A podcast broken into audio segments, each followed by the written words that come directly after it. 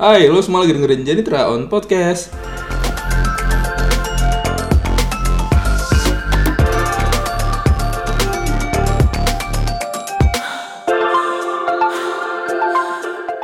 Gimana kabarnya teman-teman yang masih mendengarkan podcast ini sampai episode ketiga?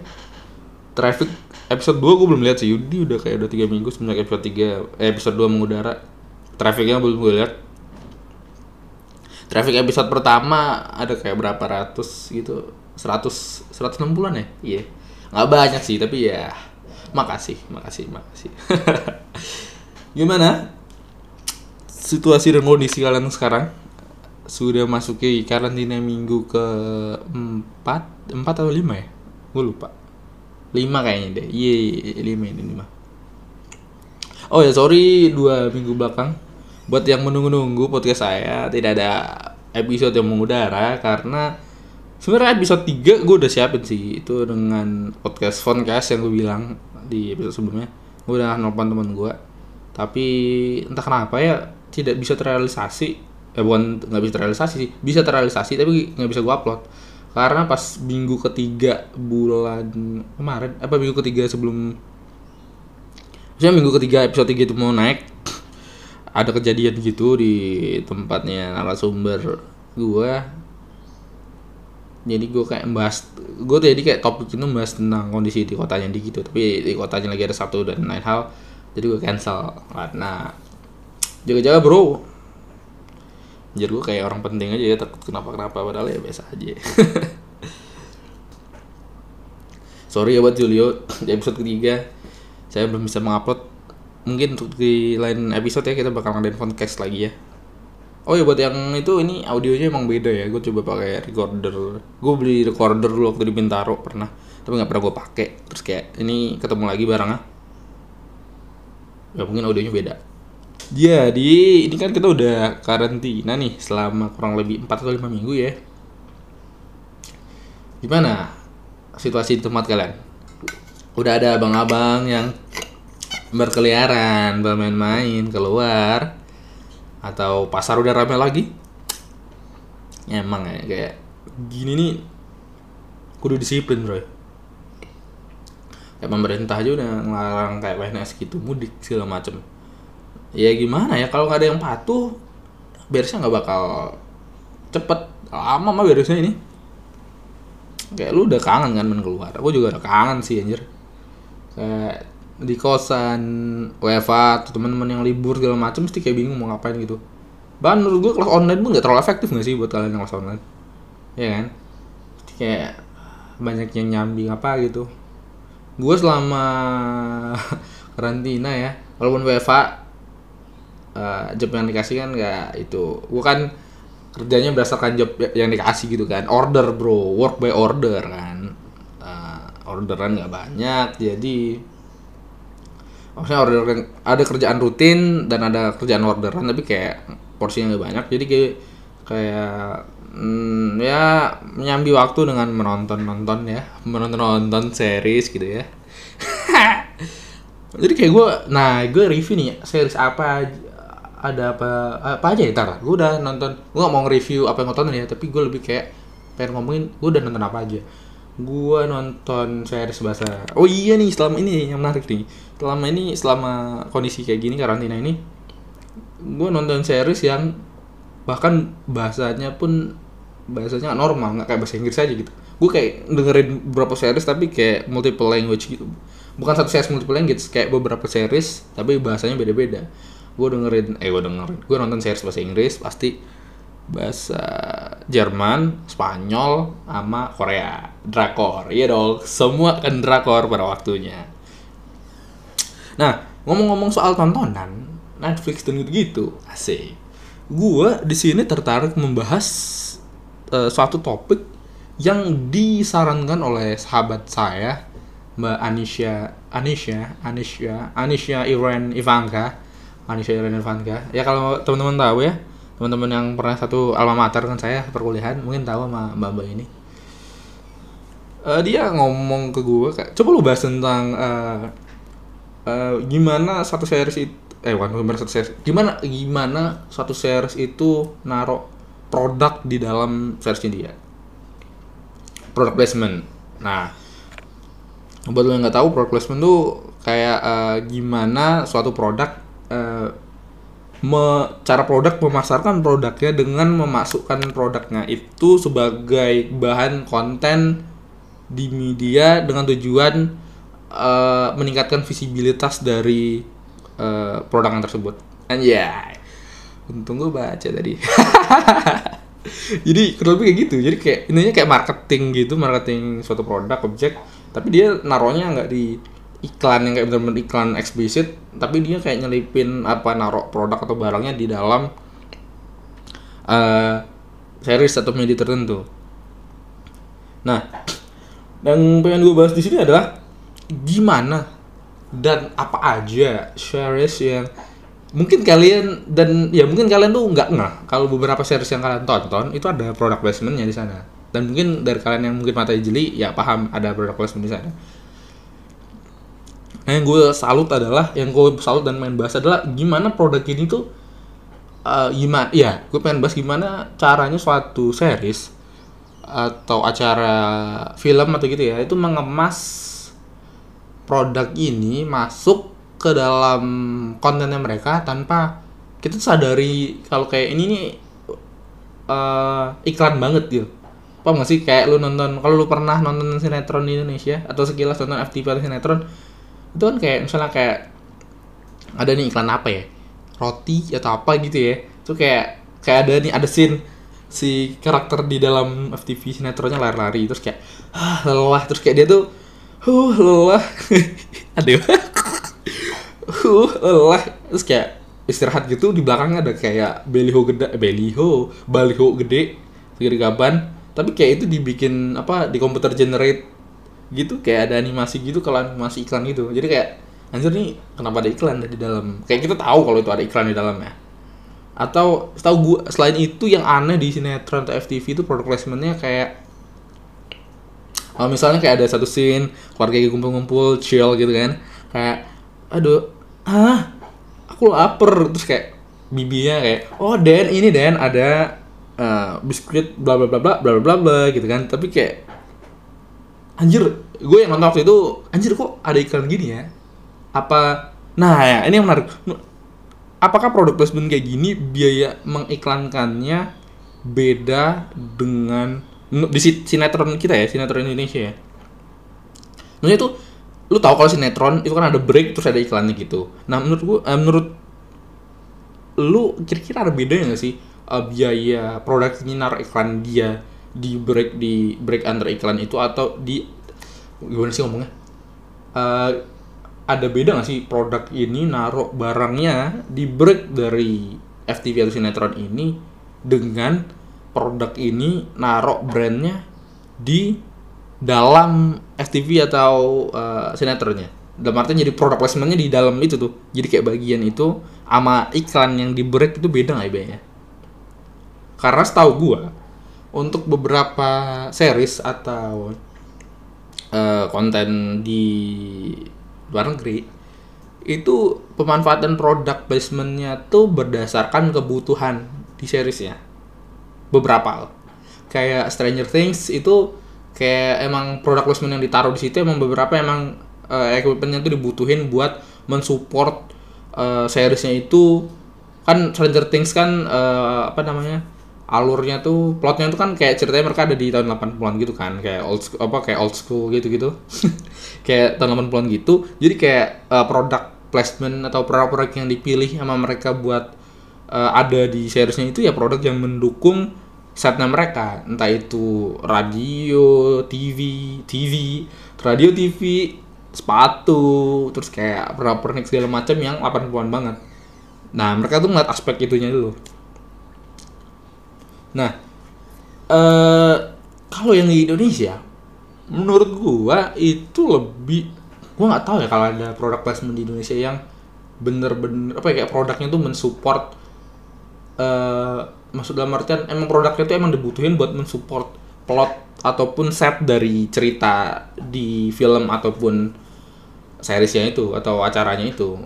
Setahu gue nggak ada ya. Karena beberapa yang gue tahu gue nonton kayak Bibi Ainun ya.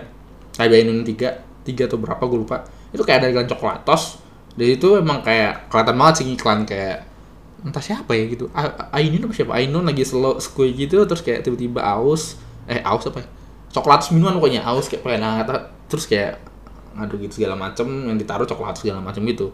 Jadi kayak nah uniknya juga seperti yang gue bilang tadi eh gimana yang pengen apa yang menarik dari produk placement ini itu tuh gimana produk apa gimana orang yang bikin series itu tuh bisa naruh produknya ini tuh ada di seriesnya tapi kita nggak tahu kalau itu eh, bukan nggak tahu sih nggak terlalu sadar. Jadi kayak bener kita bisa lihat barangnya ada tapi itu itu nggak obvious kalau itu tuh iklan gitu. Nah cara dan trik seperti ini nih hal yang menarik sebenarnya buat diulik.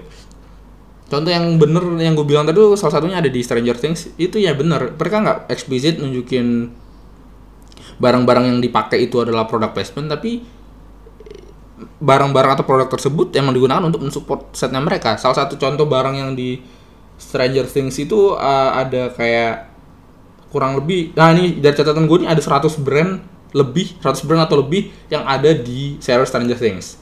Beberapanya itu ada Burger King, Coca-Cola, Reebok, jam itu Casio. Kalau ma- minimarket kita ada Se- Sevel, 7-Eleven, Pentax, Chevrolet, Nah, yang menarik adalah Coca-Cola di Stranger Things season 3. Di tiap episode Stranger Things season 3 itu selalu ada Coca-Cola. Entah itu cuma vending mesin, scene minum, bahkan scene pertama waktu kalau nggak salah di episode pertama waktu mereka nonton tuh anak-anak yang nonton bawa popcorn itu minumannya Coca-Cola loh, FYI. Mungkin lo nggak sadar, tapi gue kayak masih ingat scene itu. Dan Coca-Cola tuh kalau nggak salah disinyalir merupakan salah satu brand yang eh, yang bayar support money buat ads di Stranger Things salah satu yang paling gede. Makanya di tiap episode dia ada gitu loh.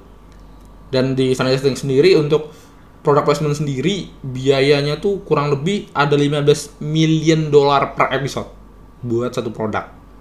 Kalau nggak salah. Dan Coca-Cola ada di tiap episode. Stranger Things tuh ada 8 atau 5 episode ya yang season 3. Ini yang season 3 ya. Season 3 kemarin 15 dolar million eh, 15 million dolar per episode. Nah, kalau buat yang kayak nah, kalau buat Sevel kalau lu tahu si siapa sih orang Prancis eh orang Prancis, orang Rusia ilmuwan yang ditangkap sama Hopper gitu di Stranger Things itu. Itu kan minum-minuman sloop apa? Minuman yang diminta kan minum strawberry segala macam. Nah, itu kan minumannya dari Sevel tuh. Kalau buat Pentax, Pentaxnya kan merek kamera. Seperti yang lo tahu, kakaknya Will, anjir gue lupa siapa namanya. Siapa? Bayers Family, kakaknya itu kan fotografer. Dan kamera yang selalu dipakai ya Pentax. Mungkin lo nggak terlalu merhatiin tapi ini salah satu produk placement. Dan menurut gue ini produk placementnya keren banget gitu. Selain Stranger Things di ini gue ngomongin Netflix ya. Maksudnya kayak series-series di Netflix karena gue seringnya nonton di Netflix sih. Dan kenapa mungkin Netflix ini salah satu series eh Netflix Stranger Things uh, season 3 ini salah satu series yang uh, primadona buat produk produk placement karena seperti yang kita tahu sendiri uh, Stranger Things sendiri tuh buat uh, beberapa tahun ini tuh menjadi salah satu pop pop culture yang paling mainstream ya di milenial. Maksudnya kayak anak-anak sumuran anak-anak SMA, kuliah, kalau nggak yang udah kerja kayak yang adults gitu mesti kayak nonton kayak ya bukan gue bilang pasti nonton sih tapi kayak kalau nggak tahu apa itu Stranger Things tuh kayak it's a thing. Wadaw. Kayak Stranger Things sendiri itu dari 4 Juli sampai 8 Juli 4 hari semenjak uh, hari pertama mereka launching episode pertama di season 3 itu ada sekitar 40,7 juta akun yang streaming? 4 hari loh itu. Gila gak sih? Cox itu yang bacakan itu 40,7 juta akun. Yang bajakan harga 15 ribu sekali nonton tuh berapa akun itu? Jadi kayak dari statistik yang seperti ini wajar aja kalau mereka ngasih rate 15 juta, 15 miliar dolar per episodenya. Karena emang kayak antusiasme dan trafficnya gede banget sih Stranger Things season 3 dan gue penasaran buat Stranger Things. Ini kan lanjutin Stranger Things 3 ini ke uh, season 4 gue penasaran kayak statistik traffic sama uh, al, apa gimana product placement yang mereka taruh di season 4 tuh gimana tuh gue penasaran sih. Karena ini ini gede sih. Maksudnya kayak duit di sini gede seriesnya gede dan semakin gede series barang ditawarin semakin banyak ya kayak ini udah 100 brand season 3 ya kan Nah, ini kalau yang Stranger Things ini gua analisa, gua baca datanya emang dari gua Google, gua research ke internet segala macem. Jadi kayak ada beberapa data nama-nama produk yang ada pun gua tahu ya karena gua ke Google. Ada beberapa ser maksudnya ya kayak series-series lain yang gede juga khususnya tuh mesti ada produk placement ya.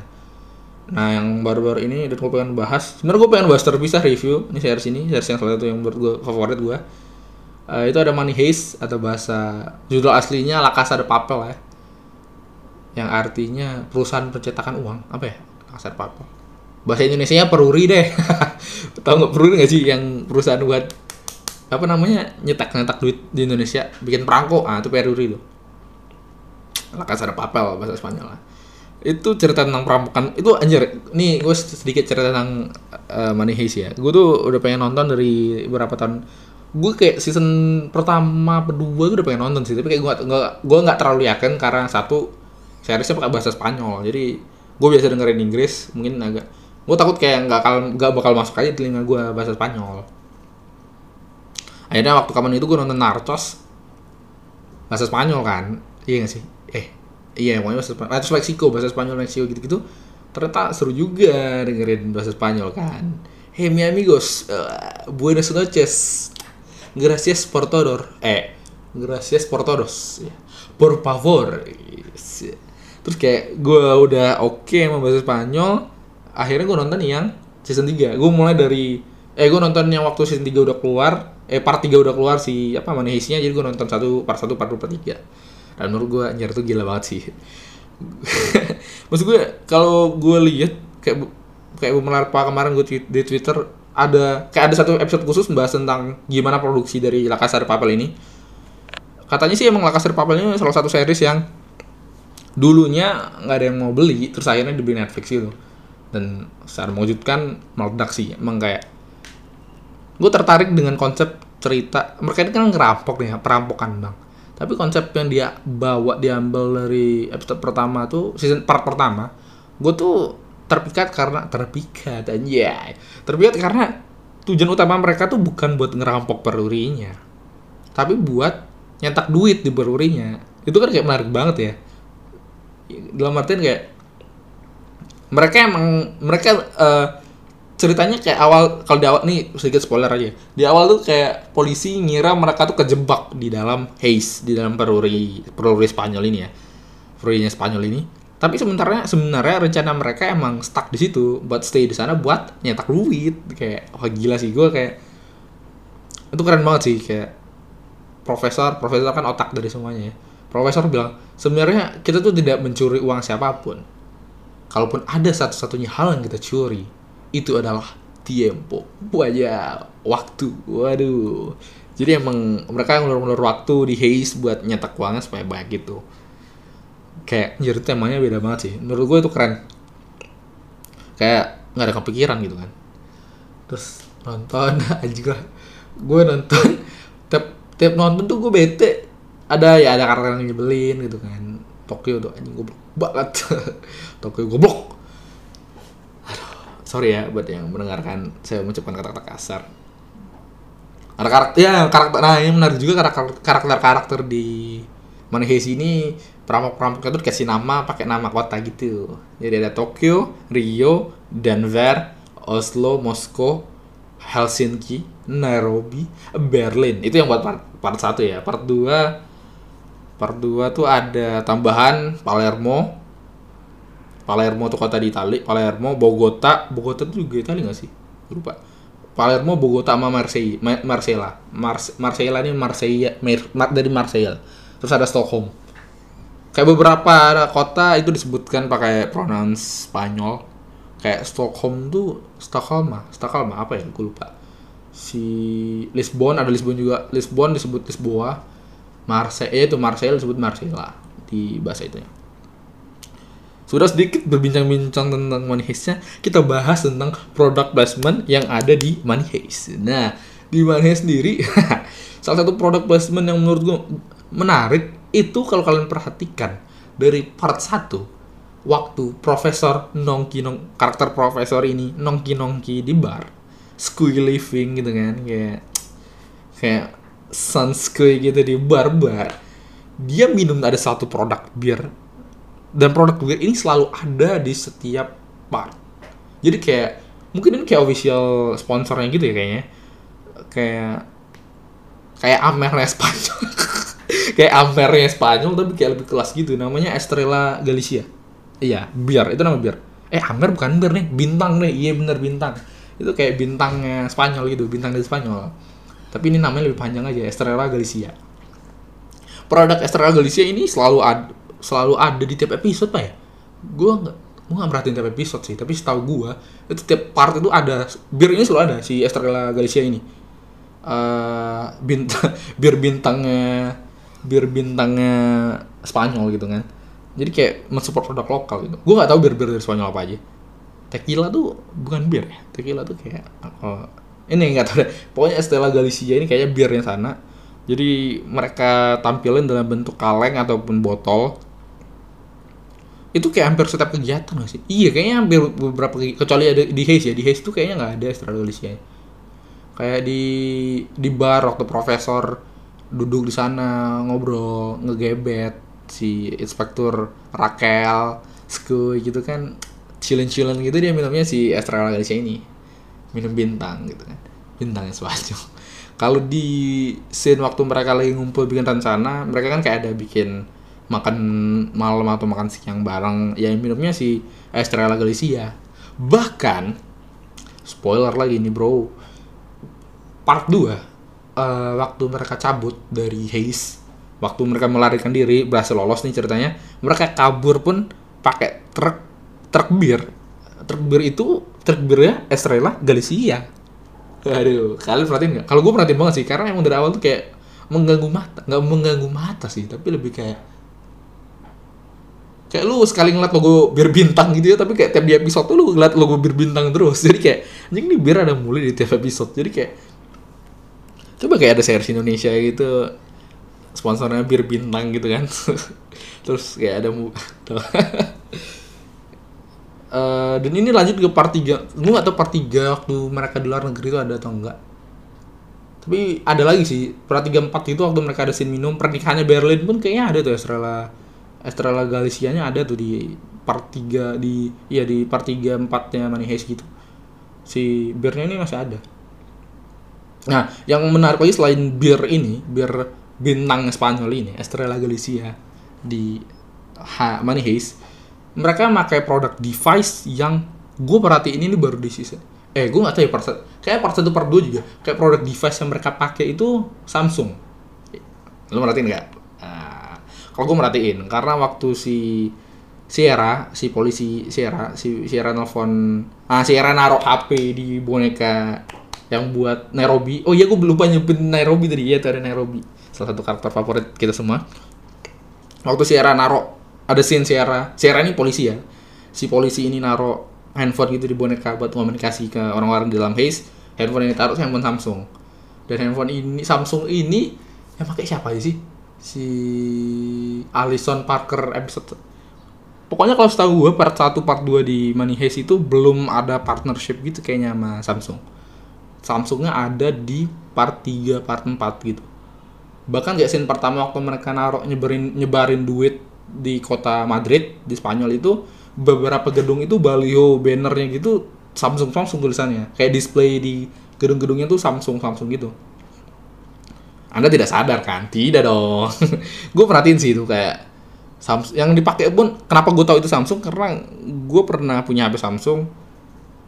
Ya bukan yang high endnya sih, maksudnya bukan yang kelas tingginya sih. Tapi gue tahu kalau uh, Samsung tuh telepon model panggilan masuknya kayak gimana tuh ya itu kayak yang di Lakasar Papel itu. Kayak beberapa handphonenya Sierra eh teleponnya si Prieto waktu ditelepon dari dalam Haze itu kan HP-nya HP Samsung juga.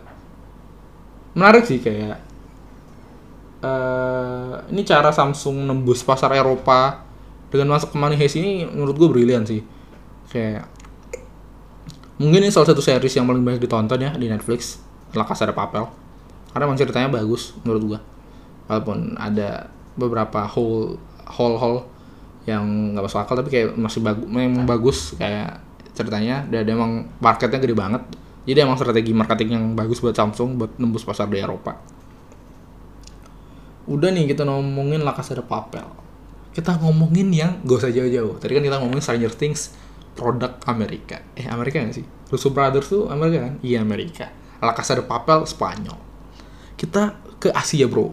Kita ngomongin drakor dong. Iya sih kita ngomongin drakor yang ada di Netflix. Karena gue baru nontonnya di Netflix ini. Ada namanya Itaewon Class. Iya deh. Drama yang endingnya sampah gue belum nonton Crash Landing on You. Gue belum nonton Modern Cap Couple Modern Couple. Tapi gue nonton di si Itaewon Class. Dan review dari gue Itaewon Class bagus sampai episode 13 sampai 12 doang. Endingnya sampah. Jadi kayak ada konflik si cowoknya. Nah, ini gue kasih konteks aja kayak di Itaewon Class tuh cerita tentang ada suatu anak di ada anak yang diajarin oleh bapaknya tentang nilai prinsip kejujuran keberanian kayak gitu-gitu. Suatu ketika dia bikin dia bikin kesalahan gitu bikin kayak ada anak orang kaya dibikin apa ngebully dia nolongin anak yang di, si karakter utama nolongin anak yang dibully ini terus kayak dikeluarin gitu karena anak dia anak orang kaya punya perusahaan makanan gede segala macam dan bapaknya karakter utama ini kerja di perusahaan ini terus akhirnya bapaknya keluar dari perusahaan ini karena dia dikeluarin segala dikeluarin. Terus anak yang ini anak anak, yang punya perusahaan gede ini anak orang kaya ini ya kayak uh, bikin bikin kecelakaan bapaknya meninggal. Ini sorry ya spoiler juga. Bikin bapaknya karakter utama meninggal terus kayak uh, akhirnya tapi dia nabrak tabrak lari tapi tidak dihukum. Kayak mengcover dari kayak bapaknya orang kaya ini mengcover cerita itu akhirnya orang lain yang dihukum bukan dia. Terus si karakter utama kesel nonjok-nonjok akhirnya masuk penjara intinya kayak dia punya karakter utama dendam dengan orang kaya ini dan uh, memiliki tujuan buat bikin perusahaan buat mengalahkan bisnis perusahaan makanan milik bapaknya anak orang kaya ini. Ini ya kayak anak orang gini ini ya kayak gitu. Di tengah uh, lika-liku perjuangan karakter utama mencapai targetnya tersebut ada cerita cinta yang membalut yang menghiasi drama uh, drama-drama dia uh, mencapai titik kejayaannya merebut posisi uh, pertama mengalahkan posisi pertama perusahaan makanan milik uh, orang kaya ini di sini dia dihadapkan dengan dua pilihan. Ada cowok cewek A cewek B. Gue bete karena si kampret karakter utamanya memilih wanita yang tidak gue pilih. Jadi kayak ya udahlah lu banget saja Saroi goblok. Gue emosi aja bro. Kayak ini si cewek yang cewek satu ini nunggu di 15 tahun loh anjir. Tapi kayak ditinggalin gitu. Dia milih cewek yang ah udahlah bete gue. Ngomong-ngomong masalah produk placement di drakor ini. Menurut gue tahun kelas ini menarik karena dari produk placement yang menarik ya karena FYI beberapa drama Korea yang udah gue tonton itu kayak Goblin kayak Memories of Alhambra terus apa lagi ya? Apa ya? Gue udah nonton apa aja ya drama Korea? Kayak nggak banyak deh. Tapi kayak beberapa yang udah gue tonton uh, nah ini menarik nih. Product placement uh, berhubungan dengan beberapa yang udah kau tonton uh, device atau handphone produk mobile telepon yang mereka pakai itu biasanya mereka pakai Samsung. Produk yang asli dari negara mereka dari Korea nah uniknya di Itaewon Class ah lo ngerti nggak di Itaewon Class mereka nggak pakai Samsung sama sekali bro kalau perhatiin dan Itaewon Class ini kan ceritanya dari episode 1 sampai episode 16 itu kayak timelinenya waktunya 15 tahun. Jadi kayak cerita di SMA, cerita dia uh, keluar penjara gitu, membangun baru bisnisnya, terus jadi sukses segala macam. Kan ada timeline waktunya. Itu kalau nggak salah dari tahun 2000 2000 berapa deh itu? 2000 pokoknya 2010-an gitu-gitu 2015 sampai 2020. Timeline waktu di uh, di Korean di drama Itaewon Class ini ya dan handphone yang dipakai selama kurun waktu tersebut itu iPhone kalau lu merhatiin ya Iya, Anda merhatiin atau tidak? Nah, waktu kayak di tengah-tengah cerita, kayak sekitaran cerita, nah, dan gue salutnya, dia tuh pakai iPhone-nya menurut gue cukup konsisten. Dalam artian, bukan konsisten sih, apa yang nyebutnya? Kayak uh, relevan. Jadi kayak taman waktunya itu bisa pas gitu. Jadi kayak waktu dia udah sukses jadi uh, CEO perusahaannya sendiri gitu, HP yang dipakai rata-rata orang pakai itu pakai iPhone XS. Terus kayak waktu dia baru mengawal karir itu pada pakai iPhone 7, iPhone 7 kayaknya iPhone 7 apa iPhone 6 terus kayak tahun berikutnya kayak gitu juga jadi kayak uh, ya konsisten ya sih kayak ada dari plot waktu dia dulu waktu masih karakter utama masih SMA sampai dia jadi CEO tuh perkembangan itu di, diikutin dengan perkembangan device yang dia pakai. Jadi tidak ada mm, plot hole itu plot hole masuk plot hole bukan sih? Kejanggalan ya tidak ada kejanggalan di situ. Kayak nggak waktu ceri nggak kayak dia baru um, karir udah pakai XS atau iPhone 11 gitu. Tapi emang bertahap bertingkat. Jadi kayak awal-awal semua orang di sana apa yang paling waktu itu iPhone 7 ya udah. Jadi kayak apa yang paling tinggi di sana dipakai iPhone 7 terus kayak tahun-tahun baru-baru ini baru, pada pakai iPhone XS dan itu menurut gua cukup menarik ya dalam artian ini drama Korea loh bro. Maksudnya uh, drama Korea yang gue kayak nonton Goblin terus kayak si Memories of Alhambra itu handphone yang mereka pakai Samsung. Dan Samsung yang dipakai tuh Samsung yang paling terbaru di series itu keluar. Goblin itu kalau nggak salah gue inget salah satu scene yang paling menarik tuh waktu si malaikat maut apa ya malaikat mautnya segala macam gitu nyobain telepon pertama eh apa video call pertama kali. Jadi dia kayak bingung terus kayak ada mukanya gitu. Itu kan yang dipakai kan Samsung Galaxy S 9 apa S10 ya itu ya? Goblin itu tahun 2017 ya. Itu S S9 S9 apa S8 gitu kan. Itu udah itu keren sih menurut gue kayak wah ini gue gue tahu itu Samsung gitu langsung kayak bisa ngeliatin Samsung gitu. Kayak Members Alhambra Members of Alhambra juga kayak gitu pakai Samsung segala macam. Dan yang Itaewon Class ini gue agak mencuri perhatian juga sih kemarin. Gue kayak perhatiin beberapa kayak karakternya tuh pakainya iPhone. Bahkan nggak semuanya pakai iPhone gitu. Menarik menarik.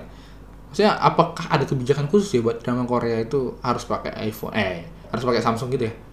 Kalaupun ada tak Itaewon Class ini cukup berani gitu ya pakai iPhone gitu ya mempromosikan uh, walaupun sebenarnya iPhone uh, iPhone itu juga salah satu produk paling populer sih di Korea. Kalau nggak salah gue baca di forum itu tapi masa ya wajar aja sih kalau misalnya nggak ada salah sih sebenarnya kalau mereka ngepromoin iPhone tapi udah aja gitu Itaewon Class uh, ngepromoin handphone iPhone dari uh, maksudnya kompetitor dari Samsung salah satu kompetitor gede dari Samsung yang dari Korea tapi dramanya sendiri pakai iPhone gitu. Selain tentang handphone device yang gue menarik dari Taiwan Class sendiri itu masalah product placement itu uh, mereka kan ada partner sama Mercy ya Mercedes Benz kalau nggak salah. Dan iya mobil-mobil yang dipakai pun mobil-mobil Mercy. Dan waktu sih ini yang menarik sih gue kayak kalau lu perhatiin ada beberapa scene yang nggak penting tapi kayak ada aja gitu buat promoin si Mercy-nya ini. Salah satunya waktu si intinya kayak waktu si karakter utama mau pergi gitu ya sama uh, ada temennya gitu mau pergi kan kan bisa dilatih kayak ini ada dialog nih mereka ini ada dialog tapi waktu dialog di mobil. Kan bisa aja tuh kan dilatih kayak dialognya di mobil aja gitu kan kayak tiba-tiba di mobil lagi nyetir ngobrol kan bisa. Ini kayak dia dilatih gitu kayak si karakter utamanya ini mobilnya kan Mercy yang versi apa? Mercy gue nggak tahu jenisnya apa tapi ini Mercy yang udah pakai baterai elektro gitu jadi sini tuh dilatih si karakter utamanya lagi ngecas. Mobilnya lagi dicas. Lagi dicas tet lagi nungguin tet tet tet, tet.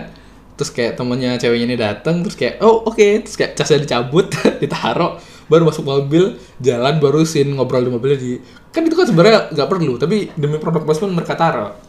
Menurut gue itu agak mengganggu sih kayak anjir ini sih nggak perlu tapi kenapa ada? Tapi kalau menurut lo yang nggak begitu merhati sini cepet banget sih itu chainnya berjalan. Tapi gue bisa nggak kalau itu produk placement. Tapi itu keren sih. Keren tapi mengganggu. Menurut gue ganggu. Kayak anjir ini sini nggak perlu tapi kenapa ada? Ya namanya juga produk placement kan. Tapi itu keren. Kayak ngecas bro. Mobilnya dicas. Serius. Cek deh. Itu kayak episode episode 14 atau 15 lupa. Nah salah satu cara promo yang paling keren juga dari Taiwan Class ini memang salut sih produk placement. Gue mungkin ada beberapa produk tapi yang gue garis bawah di sini itu kayak iPhone sama Mercy. Karena unik unik aja gitu. Yang Mercy-nya ini di scene di salah satu episode episode 15 apa 16 Itaewon Class itu ada scene di mana karakter utama bawa mobil eh enggak deh ada kayak asistennya gitu. Asisten- temannya gitu bawa mobil. Jadi kayak temen ah intinya kayak cewek yang dia suka ini culik segala macem ketemu di jalan. Ceweknya ada di jalan gitu kan lagi jalan. Si karakter utama sama temannya ini lagi nyariin gitu kan. Tapi ngeliat nih ceweknya di jalan nih wah ada. Ceweknya wah itu ada tolong gitu kan. Ceweknya lagi dikejar-kejar sama penculiknya. Nah penculiknya itu dari sisi lain bawa mobil kan. Karakter karakter utama, karakter utama dan temennya di satu mobil yang sama Mercy ini di sisi yang lain juga. Jadi kayak ada hadapan gitu. Gue gak tau penculiknya pakai mobil apa kayak mobil Jepang abal-abal gitu. Jadi kayak tensinya kan dibikin tinggi tuh. Jadi kayak ceritanya mereka pengen nabrak tabrakan. Bukan ceritanya malah tabrakan kan. Jadi kayak mereka emang pengen nabrakan gitu. Jadi kayak dibikin intens yang karakter utama pakai Mercy disetirin sama temennya gitu terus kayak yang lawannya ini pakai mobil apa itu ya? mobil Jepang apa ya itu yang penculik itu? Gue lupa. Pokoknya ada pada depan gitu terus kayak wih wih wih wih wih, das. Ada scene mereka nabrak nyenggol. Dan di sini diliatin. Ini lucu banget sih. Menurut gue ini kayak anjir nih iklannya pinter banget sih. Kayak mobilnya ditabraknya das. Dan mobil lawannya ini nggak tahu apa mental gitu sementara si Mercy-nya ini eh, kayak apa sih namanya tuh? Steeringnya tuh kayak steeringnya tuh kayak apa sih namanya? Nggak goyang kayak stabil. Lah stabil. Jadi pas ditabrak bus kayak nyenggol. Dia nggak nabrak pas depan-depan gitu sih kayak lebih nyerempet gitu. Tapi pas nyerempet mobil si penculiknya ini agak metal gitu si mobilnya dia enggak kayak karena steeringnya stabil gitu. Jadi kayak Eits! terus waktu kayak mobilnya tiba-tiba berhenti si temennya karakter utama bilang wah untung ada airbag ya itu kayak obvious banget kayak itu tuh obvious banget obviously it's an ads. Kayak itu tuh kayak bener-bener iklan gitu. Tapi mungkin beberapa kalian gue gue merasa orang yang paling pintar ya ngomong kayak beberapa kalian mungkin nggak tahu nggak sadar. Sorry guys tapi kayak gue ngeliat itu kayak anjir lah itu produk placement yang pintar banget sih. Itu kayak dari atas dila kayak sini itu dilatin dari atas gitu kayak mobilnya stabil yang lawannya agak mental pas sudah tabrakan terus kayak wah airbagnya bekerja dengan sangat baik. Kalau nggak salah dialognya kayak gitu terus kayak udah lanjut cerita segala macam. Dan itu menurut gue pinter sih dia naruh salah satu nih Mercy yang ini itu masih Mercy yang dicas tadi ya. Mercy yang diwakil itu mobil Mercy yang dicas tadi ya. Hmm, kayak tamnya aja baterainya dicas. Itu kayak nunjukin kalau salah satu fitur mobilnya itu ya itu apa eh, punya steering yang stabil terus kayak eh, airbagnya berfungsi dengan sangat baik. Itu yang menarik dari yang Itaewon Class. Nah ini eh, ini yang dari drama-drama Korea aja ya yang gua ya drama-drama Korea drama-drama atau series aja ya. Sebenarnya dari beberapa film pun ada gitu loh. Dan gimana sih eh, pengaruhnya product placement? Maksudnya kayak seberapa pengaruh product placement itu terhadap eh, visibility suatu produk dari apa yang gue ceritain dan beberapa item yang ada di beberapa series eh, yang gue bahas itu kayak series yang gue bahas ini series dan yang drama yang gue bahas ini kan drama dan series gede gitu loh. dan bukan tidak mungkin produk yang dipakai uh, uh, produk placement yang ada di series atau drama ini bisa jadi ikon mereka gitu loh Uh, contoh yang paling konkret product placement yang jadi ikon suatu film dan ikon pop culture itu ada di kalau lu nonton film ini film ya. Kalau lu nonton dulu filmnya Tom Hanks itu ada Forrest Gump. Salah satu product placement yang jadi pop culture menarik menurut gua tuh adalah sepatunya Forrest Gump yang dia pakai buat lari keliling dunia. Eh keliling Amerika apa dunia gitu lupa gua. Dia kan lari tuh. Itu sepatunya itu kan pakai Nike Nike Nike Cortez ya Nike Cortez. Yang warna putih terus kayak uh, logo Nike-nya warna merah segala macam itu itu jadi uh, orang beli itu gara-gara Forrest Gump. Forrest Gump tuh bagus sih Ba- bagus bagus banget. Walaupun uh, fiksi banget sih tapi kayak bagus. Jadi kayak orang inget Forrest Gump inget Nike Cortez. Nah produk placement yang seperti ini menurut gue tuh berhasil. Dalam artian di mana produk itu menjadi tidak secara langsung menjadi bagian bagian penting suatu pop culture atau film ya, jadi bagian yang mengingatkan, kita tentang pop culture atau eh, movie atau film yang dibuat gitu. Bahkan terkadang uh, itemnya pun item atau produknya pun bisa jadi bisa aja lebih populer daripada film atau pop culture uh, produk tersebut. Ada apa? Produk tersebut berada gitu aja jadi belepotan ternyata gini uh, itu menurut gue satu yang menarik ya kalau yang di baru-baru itu kan kalau yang uh, film lama ya ini gue gue bahas beberapa yang ada yang pernah gue lihat aja ya kalau di film animasi baru-baru ini yang gue tonton dan itu menarik itu adalah Air Jordan yang dipakai oleh Miles Morales di Spider-Man Into Spider-Verse. Kalau lo tahu ini salah satu film animasi yang paling bagus banget tahun 2018 sampai 2017 gue lupa. Di sini kan Miles Morales yang kan pakai baju Spider-Man-nya itu dengan dia pakai jumper hoodie gitu celana kalau nggak salah dan bawahannya tuh dia pakai sepatunya tuh sepatu Air Jordan. Dan buat uh, kalau gue kan gue suka beberapa film Marvel dan gue kayak tahu gitu kan beberapa fandomnya Marvel gitu Nike Air Jordan ini jadi salah satu item yang uh, apa ya yang dicari ya karena ya karena ini karena Spider Verse itu gue nggak tahu kalau di komiknya dulu udah ada apa belum tapi gara-gara di film animasinya sekarang tiap orang cosplay jadi uh, Miles Morales gitu ya mereka nyarinya Nike Nike Air Jordan itu. Dan menurut gue itu menarik sih gimana produk bisa menjadi bagian dari pop culture gitu. Dan untuk Stranger Things nih kalau gue balik ngomong Stranger Things sendiri sih mungkin item-item yang mereka pakai ya seperti kayak sepatu Reebok terus kayak Walkman terus kayak apa barang-barang yang dia pakai gitu bisa jadi uh, bagian dari pop culture yang di pop culture-nya si Stranger Things ini dari Stranger Things. Tapi menurut gue